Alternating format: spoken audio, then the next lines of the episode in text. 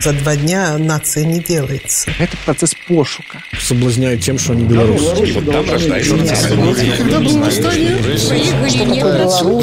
демократию. Честность – это не национальная идея. Працягваем шукаць, прамаўляць, намацаваць беларускую нацыянальную ідэю. Усім прывітання в эфиры чарговы выпуск программы ідэX программы падчас якой мы нягледзячы ні на што працягваем шукаць прамаўляць намацаваць беларускую нацыянальную ідэю. Як звычайна вядучы ў студыі зміцер лукашук. А моя сённяшняя гостця даўно марыў прыцягнуць яе на гэтую праграму ў нашу студыю. Залатая рыбка да нядаўняга часу кіраўніца фонду спарту спартовай салідарнасці Александра герасеменя добрый день Александра. Добрый день. рады что дайшлі Дякуй что дайшлі до да нашай студыі Александра я до да вас можа быть так здалёк зайду до да гэтай до да гэтай тэмы калі мы разважаем і кажам про тое что вось вялікая колькасць беларусаў нечакана можа быть для саміх сябе. У там летом 2020 года прачнуліся проявілі нейкую палітычную актыўнасць мало того падчас розных дваравых сустрэч открыли для сябе Беларусь беларусаў беларускую літаратуру музыку там я не знаю філасофію да ўсё что заўгодна спорт 10 нават для кого кто-то для сябе открыл як для некаторых было дзіва что Вау у нас такие музыканты ты у нас там войскі такі ёсць а для некаторых а у нас же герасемене оказывается ёсць такая чэмпіёнка шмат вот так вот. Нечакана беларус беларусы открыли для сябе Беларусь. А калі казаць про вас вось вы так таксама нечакана відаць для сябе у двадцатым годзе открыли для сябе шмат чаго. У тым у тым ліку что хопіць маўчаць трэба нешта рабіць. А, а такія тэмы як нацыя нацыянальная свядомасць нейкая там нацыянальная ідэя Вось скажем э, раней вы калі-небудзь задумываліся на гэтую тэму вот скажем пасля трэніроўкі там ці пасля якого-нибудь чарговага спаборніцтва Александра вярнуўшыся з чарговым медалём села там дзе-нибудь дома узяла бакальчык прасека А зараз я паразважаю про нацыянальную ідэю там ці про беларусаў як нацыя Чаму вось мы такие і куды мы ідем было такое ці не? Ну, хороший на самом деле вопрос. Я не могу вот вспомнить тот момент что я целенаправленно сидела и думала о том кто же такие белорусы. А, я могу сказать так что во мне вот эта белорусскость она жила всегда. То есть у меня не было понимания того что э, ну как обычно приезжаешь куда-нибудь за границу и спрашивают вы кто? Я не говорила там ну русская там или еще кто-то. Я всегда говорила что я из Беларуси. Э, у меня было четкое представление что это моя родина моя страна. И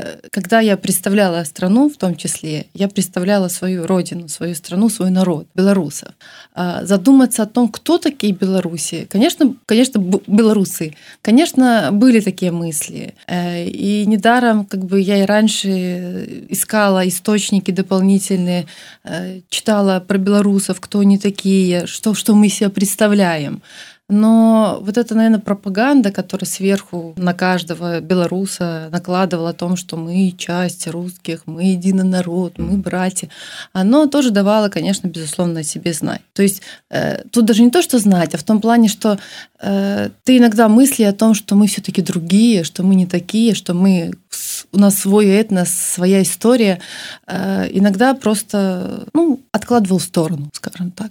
Я потом в этом разберусь, да, я потом. Мы другие, да, но я потом. И вот это вот откладывание, оно, наверное, дало вот этот результат э, того, что происходило последние там несколько там, десятков лет в Беларуси. То есть люди забыли о том, кто. Они не хотят, не хотели, скажем, думать о том, что мы какие-то другие, да, о том, что мы не братья на самом деле. И, ну, и это большая боль, наверное, для нас всех белорусов. Вы сказали, что э, все ж таки там э, шукала нечто, спрабавала читать, э, как вот разобраться, ну, ті больш-менш зразумець, хто мы, что мы, і куды. А э, два пытання. Наш, э, что вы конкретно, вот, может быть, читали, может, пригадаете, там, вот, ну, якая там, я не ведаю, там, литература, кино, там, ті яшчэ что-нибудь, что э, вашу увагу прыцягнула. І, может быть, самое галоўнае, а навошта вот вы для сябе гэта рабілі. Ну здавалася б жыву сабе спакойна у сваім э, тым чым займаюся дасягнула. Вот ну как бы думаю про сваё. Ну, ну навошта мне это ну вот як большасць жыве. Навошта мне гэтая беларуская мова? Я і так добра. Навошта мне там памятаць там про нейкіх далёкіх прадзедаў пра пра прадзедаў ну дзякуй Богу бабулю яшчэ памятаю як завуць і все навошта мне это а навошта мне ведаць там про нейкае там э, князя астрожскага ці яшчэ что-небудзь Э, так на самом деле сейчас так и получается, что люди, э, забыв свои корни, вот, в общем-то, все то, что сейчас происходит, да, э, это, как, как сейчас попытаюсь объяснить, ведь вот этот этап, это новый этап в истории Беларуси, но, в принципе, он не первый, да, когда белорусы восстали и требуют своей независимости, своей идентичности. Ведь сколько лет мы боролись за свою независимость, чтобы мы были белорусами, чтобы мы оставались ими, чтобы мы помнили свою историю. Ведь в любом случае, э, как бы мы ни хотели от этого уйти, она все равно живет в нас, да. Корни наших э, близких, наших далеких близких, они все равно в нас. То есть это то, что э, давало бы каждому человеку гордиться быть белорусом. Это история, это язык, это наша культура. И это то, от чего нас пытаются оторвать. Да? И, в принципе, практически так и сделали на самом деле. Нас лишили самого главного вот этого фундамента, который э, ну, дает какую-то почву под ногами, чтобы мы твердо стукнули ногой, кулаком и сказали «нет» мы не пойдем там за вами, мы не пойдем, мы не хотим э, идти всем кагал там за кем-то, мы хотим быть собой, быть людьми, людьми зваться. Да? Поэтому я читала в основном э, по истории, ну, независимые, скажем так, не, неофициальные э, книги по истории Беларуси. Безусловно, что многое из этого уже стерлось, и я сейчас хочу еще заново перечитать, и ищу как раз-таки хорошие публикации именно по истории Беларуси. Э, опять-таки, повторюсь, допустим, по языку. Э, ведь мы когда-то учили язык. Э, и сейчас тоже есть вопрос о том, что вот, ну, многие все равно из белорусов говорят же на русском языке, да. Эм, вот у меня было ощущение, когда я приехала в Украину, и люди, большая часть людей говорили на украинском языке. Для меня было как-то непонятно. Ну, вроде как русский принятый, ну, легче, проще в плане общения, коммуникации, а люди говорят на украинском языке. Дети маленькие маленькие говорят. Это вы вот зараз, коли приехали, ну, идти дав давнее? Это уже было там, ну, сколько, больше года назад еще, да? То есть у меня даже на тот момент, я понимаю, насколько важен язык для страны, для государства, для людей, и все равно я думаю, ну, что хорошо бы иметь два языка, ну, как вот бывало, два государственных языка, чтобы у людей был выбор. А потом, сквозь какой-то период времени, я поняла, что мои суждения, они неверны, по сути. Что язык, он должен быть один. Тот, который главный, тот, который э, является ну, как бы основой, вот базой для каждого гражданина страны. Но уже выбор, на каком языке разговаривать, ну, может быть, у людей, ведь их никто не заставляет говорить, да, на украинском, там, допустим, или на русском языке. Э, и, в общем-то, я считаю, что так и у нас э, язык государственный, он должен быть белорусский, в любом случае должен быть белорусский. Но принуждать людей о том, что они не имеют права говорить на каком-то другом языке, это будет, наверное, неверный шаг и говорить о том, что э, вот вы сейчас там боретесь за независимость Беларуси и говорите на вражеском так, языке, на русском, но это тоже неверно. Ведь мы много лет э, ну, забыли язык, реально не, забыли не в плане, что мы его не знаем, просто забыли. Мы много лет не разговаривали на белорусском языке, у нас не было практического общения, скажем, с близкими друзьями. Да и вообще, вспомните, э, белорусский язык у нас считался как ну, деревенским такими. Кто разговаривает, у нас вот привили вот это чувство, что ну, должно быть стыдно, что ты как будто с деревни. И вот, наверное, пере... Вот это вот, как это сказать, э, переваривание в голове, что это, ну, что это ложь, что это неправда, оно должно произойти ну, у каждого человека, чтобы прийти все таки к белорусскому языку окончательно, чтобы говорить на нем правильно, красиво. Но для этого, опять-таки, да, люди должны разговаривать, должны быть институты, должны быть школы, должна быть культура, потому что многие не воспринимают белорусских э, музыкантов, писателей просто потому, что для них опять язык это что-то чужеродное, да, это что-то э, ну, деревенское, не престижное, можно так сказать. И, но это то, что нам нужно будет сделать в будущем, на самом деле. Для того, чтобы каждый белорус хотел говорить на белорусском. Потому что это красиво, потому что это определяет тебя как белоруса, потому что это э, твоя история. вот что э, самое дзіўнае вот вы зараз скажете про тое что э, беларуская мова гэта ну как бы вот так может быть типа от э, вясковец там деревеньшчына как говорит да. але я прыгадываю напрыклад калі конец 80-х там пачатак 90-х годов мінулага стагоддзя. Я вот такой еще знаете ли мінулага стагоддзя чалавек. Вот. Тады менавіта так і было. Вот калі ты у мінск прыязджаешь і вот мы тады пачыналі гаварыць по-беларуску тады ж вот адраджэнская вот это все на нахвалі ўсё было.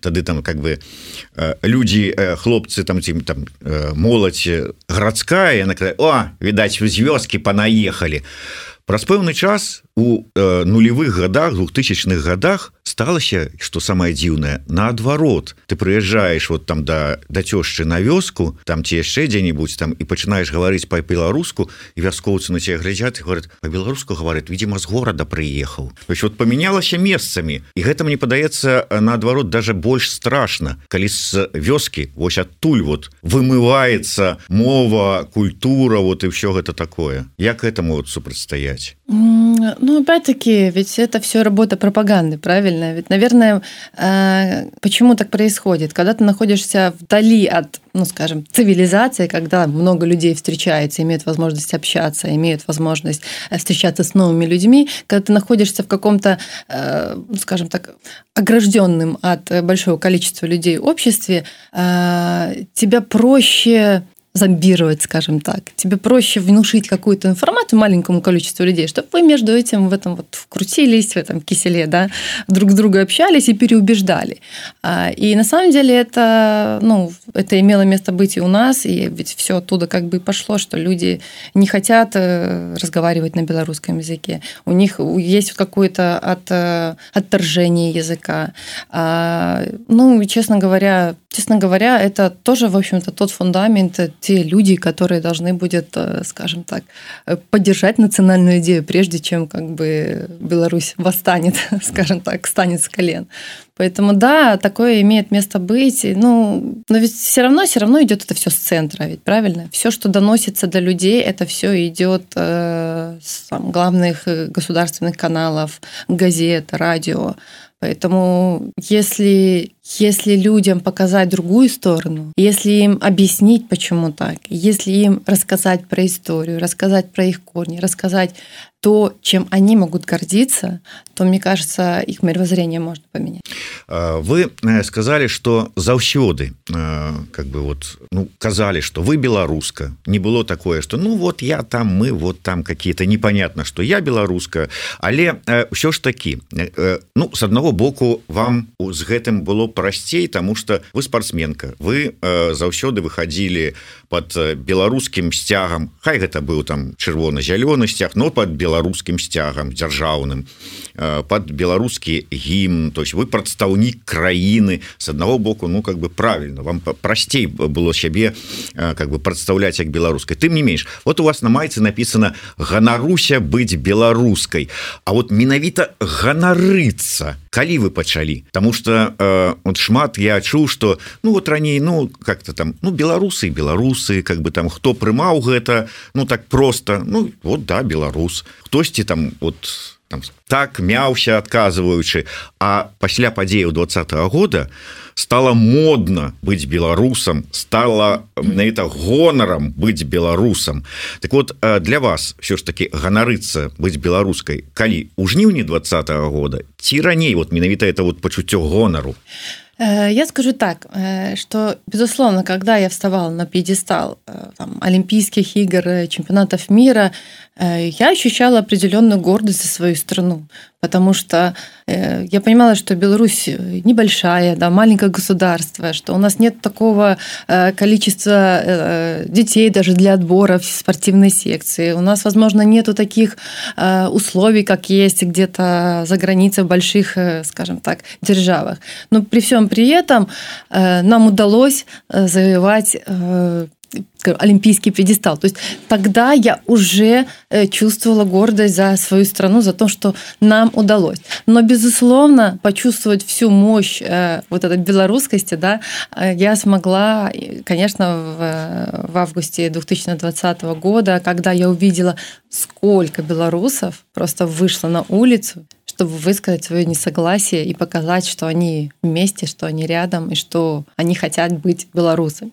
И я тогда тоже даже рассказывала о том, что э, у меня даже не было такого ощущения, когда я выходила на Олимпийские игры. Ощущение вот этого вот мурашек, да, когда ты выходишь, и когда люди аплодируют, когда они радуются э, твоему присутствию, когда они, э, ну, когда ты чувствуешь вот это вот единение с людьми, когда ты там по ту сторону экрана, ты чувствуешь, безусловно, поддержку, но расстояние оно дает знать, да, когда ты находишься вот, вот в таком большом количестве людей, которые а, одной идеей, одной мыслей а, и поддерживают тебя, но это просто колоссальное чувство, которое, наверное, я никогда не забуду.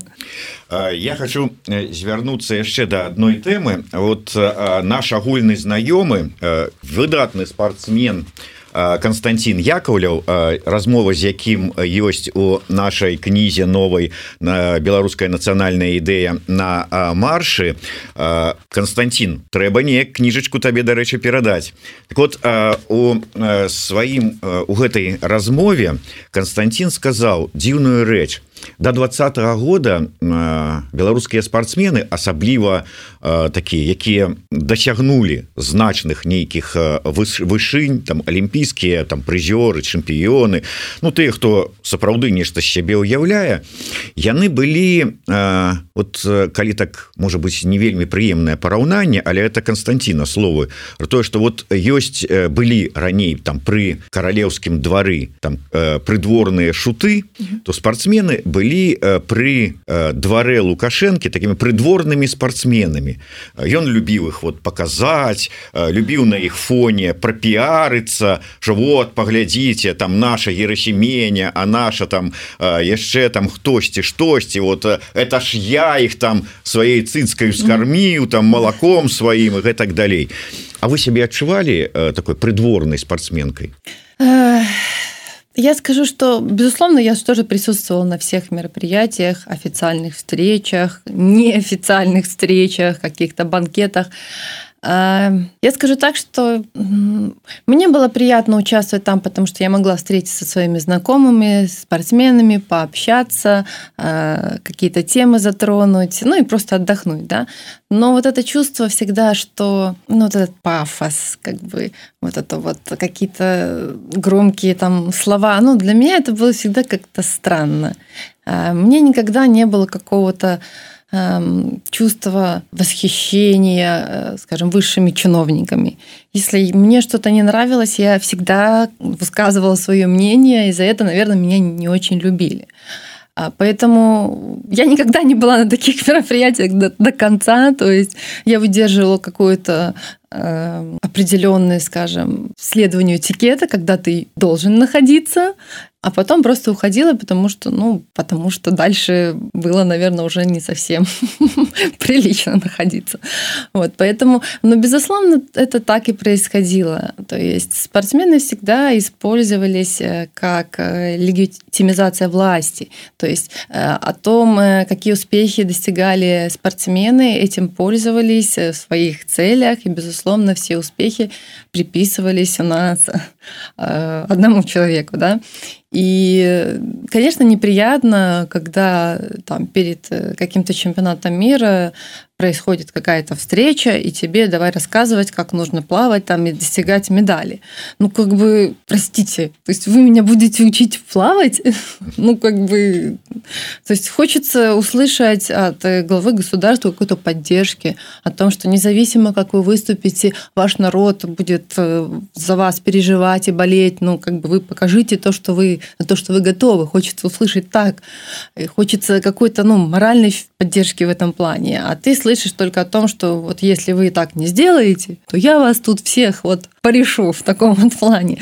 Поэтому, безусловно, все вот эти, особенно предолимпийские какие-то встречи, иногда даже если у меня была возможность, я туда не ходила, э, потому что они ну, давали такой какой-то упаднический характер. Ну, никакой мотивации от этого не было. И, честно говоря, мне всегда было жалко спортсменов, молодых спортсменов, которые приходили на эти встречи, чтобы получить какое-то вдохновение, а в итоге... Бодрости и энергии. Да, да, да, да, да. А в итоге получали какую-то, ну, я не знаю, как плаху над головой о том, что, ну, если вы не сделаете... Ну, у нас, в принципе, вся система так построена. Ну, естественно, это все идет от головы, да? Вся система построена, что у нас не пряник, а в основном кнут работает. То есть э, вместо того, чтобы спортсмена как-то мотивировать, и мотивация не, не должна быть только финансовая, мотивация должна быть другой, ну, разной, разнообразной. И вместо того, чтобы спортсменов мотивировать, постоянно идет вот этот вот, а если вы не сделаете, а если вот так не будет, а если не достигнет, то вот будет вот так, и вы должны об этом знать и помнить. И то есть каждый твой выход на старт, почему дети иногда, как бы, с, которые еще неустойчива психи, психика, и показывают не самые лучшие соревнования на своих э, результаты на своих первых, там, вторых, третьих соревнованиях, потому что они боятся, что они плохо проплывут, и их за это накажут. Вот и все. Я про это у прынцыпе как бы для чаго спытаўся каб далей просто подвесці калі здарыліся вот усе гэтыя падзеі пачынаючы можа быть нават не з выбараў а можа быть нават з першай хвалі коронавіруса калі э, народ пачаў зразумець что что-то все-таки с как бы не тое адбываецца паміж беларускім народам і так бы мовіць беларускай уладай і что-то тут не то трэба нешта мяняць. Ўсё ж таки э, частка спартоўцаў знайшло ў сабе смеласць сказаць да гэта неправільна гэта так не павінна быць і выйсці на вуліцы с транспарантам спортсмены с народам а частка маўчала частка наадварот падтрымала. Чаму так вот вы можете патлумачыць вот для сябе ну может быть ведаючы гэтую так бы мыць кухню спартовую может быть разбіраючыся крыху там у псіхалогіі чалавечай псіхалогіі спортсменаў Чаму так адбылося? Чаму адным вот вот все тое про что вы зараз сказали. Ну в кайф а другие а другим вот як и для вас это было как-то не зусім не камильфо. Да тут на самом деле все просто. Спортсмены ведь они тоже люди у них есть свои человеческие качества. И мы сейчас говорим именно про это, про человеческие качества каждого из спортсмена. То есть для кого-то э, честность, для кого-то справедливость это является высшей ценностью, а для кого-то финансовая, скажем так, стабильность и спокойствие является высшей ценностью. Вот и все. То есть это просто чаша весов, э, на которых каждый взвесил то, что для него более ценно, для него как человека, не как спортсмена. А дальше он он уже определял свои действия в зависимости от того, какие ценности у него преобладают. Соответственно, э, кто-то ну, не смог, ну, так же, как и я. Но я не смогла промолчать, потому что для меня справедливость – это превыше всего. То есть, честно, справедливо сказать о том, что я не согласна с тем, что происходит. Я готова с этим бороться. А кто-то смолодушничал. А, например, э, были такие примеры, и до сих пор продолжаются, ну, например, за мир во всем мире. Да?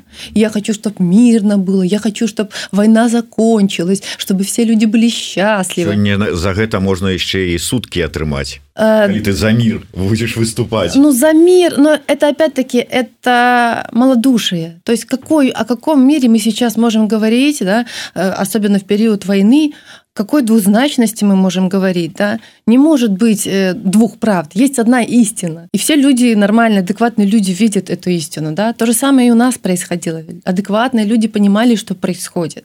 Не надо говорить о двузначности, о каких-то, э, я не знаю, там, обстоятельствах. Я в этом случае всегда привожу, ну, пример. Вот если вы идете и видите, как, не знаю, там, издеваются, насилуют женщину. Вот вы идете, и вы вот одни пройдут и скажут, тут неоднозначно все, наверное. Другой скажет, она, наверное, спровоцировала все, да, поэтому ее вот так наказывают. Третий скажет, ну, я не знаю, есть две стороны, надо как бы с одной стороны. Четвертый скажет, а вот Петя тоже так делал, да, почему Васе нельзя? А другой скажет, ну, а вот тот уже, он же не первый раз, чего уже? А другой человек подойдет и даст по голове. Или как минимум вызовет полицию, да. Вот то же самое вот сейчас происходит в людях. Одни ищут причины как бы оправдать э, свои поступки свое бездействие, а другие что-то делают, пытаются что-то изменить. И спортсмены такие же люди. Одни пытаются оправдать э, свои бездействия, свое, э, скажем, подчинение власти тем, что есть вот две стороны, там есть там еще что-то.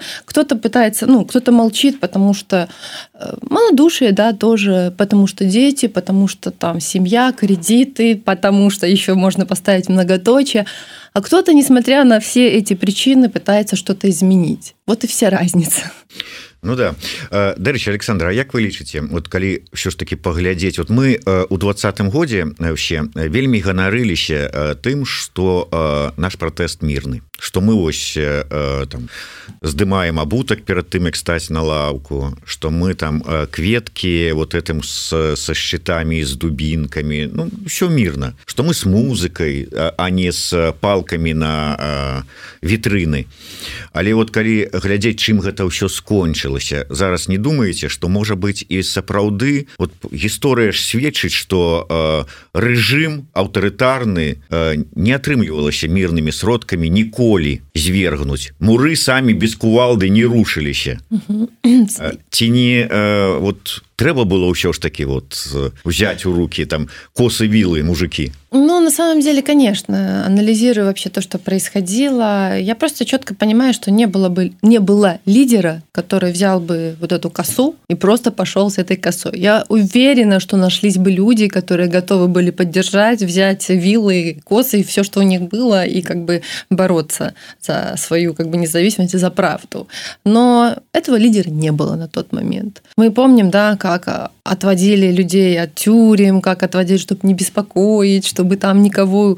Людей и так там издевались и били, и как бы они до сих пор сидят. Лучше бы тогда как бы люди пошли, да, и все изменилось. Но опять-таки, наверное, не мне говорить э, о тех вещах, что все таки это не произошло.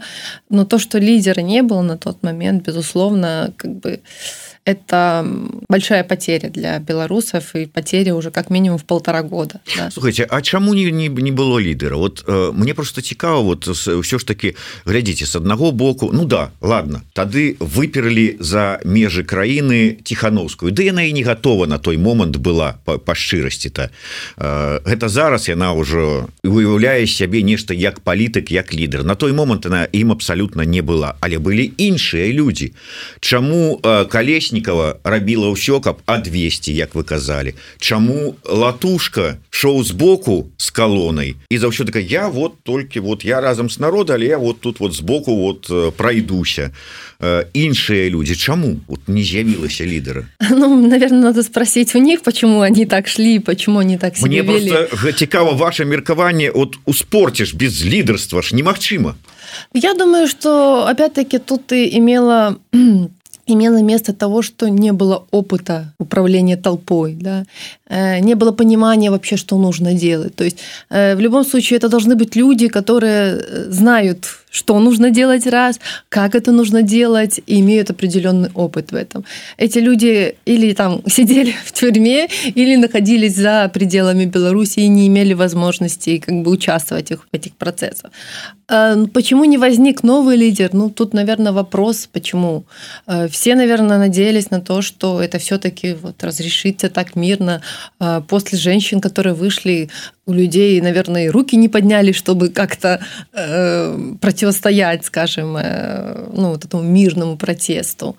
А памятаеце вось гэтую карціну как французская рэвалюцыя жанчына с вінтоўкай там са сцягам Ну уже про іншыя нюансы да, не, да, будем, да, да. не будем гаварыць але вот уяўляеце сабе і тут герасеменя са сцягам бел чырвона-белым Я не ведаю тым з чым там з віламі ў другой руцэ і на барыкадах Но опять-таки, я же скажу, повторюсь еще раз, я не имела ни опыта, ни понимания. То есть я не знала, ну, вообще, что, что нужно делать. Я считала своим долгом выйти э, вместе с людьми, но брать на себя лидерство, инициативу, ну, на тот момент я точно была не готова. Какие многие. Мы, мы только, скажем, проснулись э, от того, что в котором сне мы были, да, проснулись от этого сна, мы только э, почувствовали себя, что мы что-то можем изменить, но опыта же нет, понимания, что делать. Ну, да вообще я никогда в жизни оружие не держу, что я буду с ним делать? Ну, как бы эти вилы, мне муху сложно убить, а тут человека, ну, как-то, э, я не знаю, покалечить там или хотя бы угрожать. Ну, то есть, э, ну, наверное, я не тот человек, который бы мог быть, э, скажем, лидером, потому что немногие бы, наверное, за мной пошли бы, потому что нужен человек был, который, ну, готов вести государство за собой, да, который готов взять ответственность за всех людей. Ну, тут, по-моему, очевидно Ну я в принципе не выключаю что могли пайсці тут же ж галоўная как бы так вот аура э, ну, атмосфера я просто пример... жаночая революция была и тут жанчына на напераде ну ну если бы женщины потом за цветочков достали автоматы вот это был бы уже другой момент да тогда можно было тут немножко все-таки э, надо понимать что когда ты зовешь людей на э, баррикады да ты должен принимать и брать ту ответственность за тех людей, которые могут погибнуть, да, которые могут пострадать. То есть ты зовешь этих людей, соответственно, это твоя ответственность, и ты должен будешь решать все вопросы, которые связаны с этим. Ну, наверное, на тот момент я точно была не готова это сделать. Вы, говорит, сказали про дзяўчын, якія там э, замест ну там раз кинули кветочку и тут автомат я прыгадаў это фильм стары там міколка паровоз памятаеце момант клиентам это ідуць ён там спявае як псалом деда деда спрач гранаты что на поясе висят так это там Маша Маша спрач гранаты автоматы что ну, ну не автоматы но хотя бы ножики которыми так можно шпулять Дарэчы вось калі мы ўжо узгадывалі пра тое што сведчыць гісторыя да чаго прыводзіцца такія паўстанні мірныя паўстанні не перамагаюць аўтарытарны рэжым А вось такія паўстанні узброеныя крывавыя паўстанні яны прыводзяць да яшчэ большай крыві. І да прыходу часам яшчэ большай аўтарытарнага рэжыма чым быў папярэдні. Тут вам і французскія ўзгаданыя рэвалюцыі пасля якіх колькі людзей на гільяціну было адпраўлена. Тут вам і рэвалюцыя нібыта за справядлівасць 17 -го года і гэтак далей і гэтак далей. Вось такой небяспекі не, не, не, было не было думкі что і мы маглі ў такое потрапіць Ну, в любом случае, без борьбы не может быть перемен, да, то есть мы должны понимать, что для того, чтобы что-то изменить, ну, должны быть определенные жертвы, да. И тут вот опять-таки чаша весов. Готов ли человек э, пойти на какие-либо жертвы со своей стороны, чтобы что-то поменять? Потому что, э, ну, глядя на, назад, да, на историю белорусов, мы вспоминаем, что, ну, ведь наши всегда боролись, да, наши предки не всегда боролись за свою независимость. Они всегда отстаивали свою идентичность идентичность и сколько они потеряли. На самом деле очень большое количество белорусов, да, которые мы потеряли.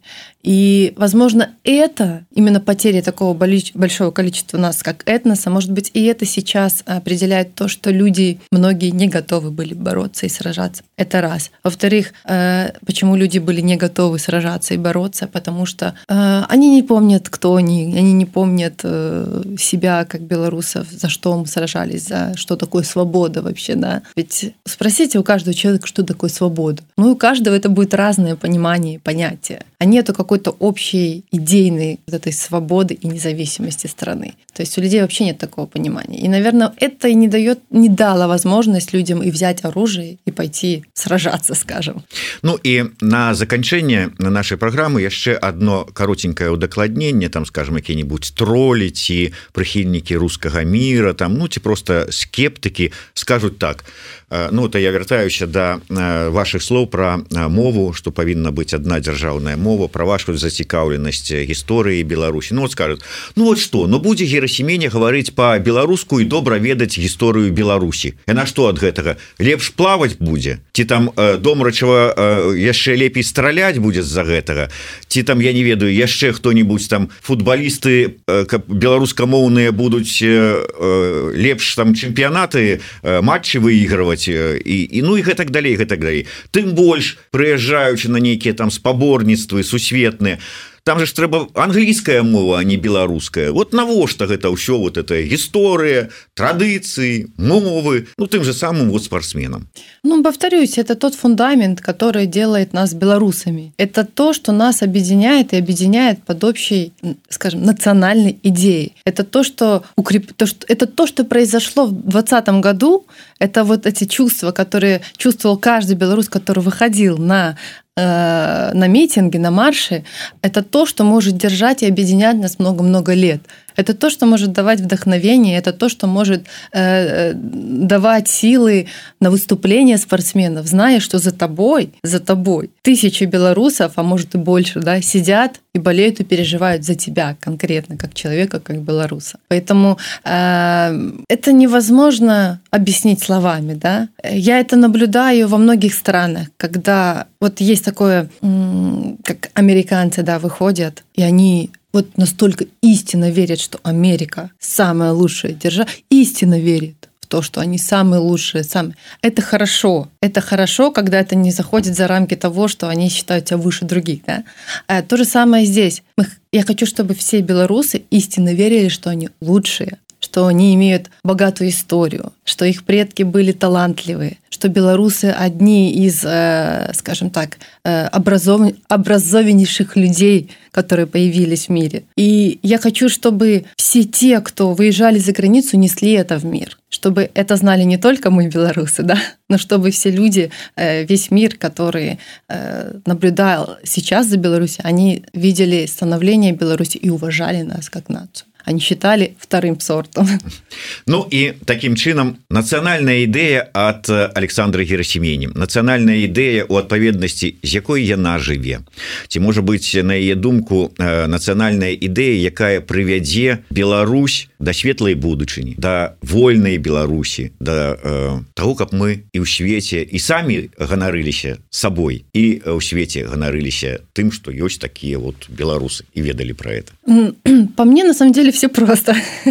Это возвращение домой возвращение конституции 94 года выбор парламентов выбор президентов присоединение к евросоюзу э, вступление в нато. Я думаю что для нас это будет очень необходимо и начинать международные отношения, вводить нашу белорусскую культуру, э, безусловно, показывать реальную истинную историю белорусов, ввести наш белорусский язык. И потихоньку со временем не все сразу я уверена что э, с нашими талантливыми людьми э, очень креативно то что мы видели вообще за последние годы у нас на самом деле люди просто золото самый ценный ресурс который есть они были когда-то и остаются и с помощью нашего самого ценного ресурса людей с помощью наших э, будущих взаимоотношений, связей с Западом. Мы можем перенять самые лучшие технологии.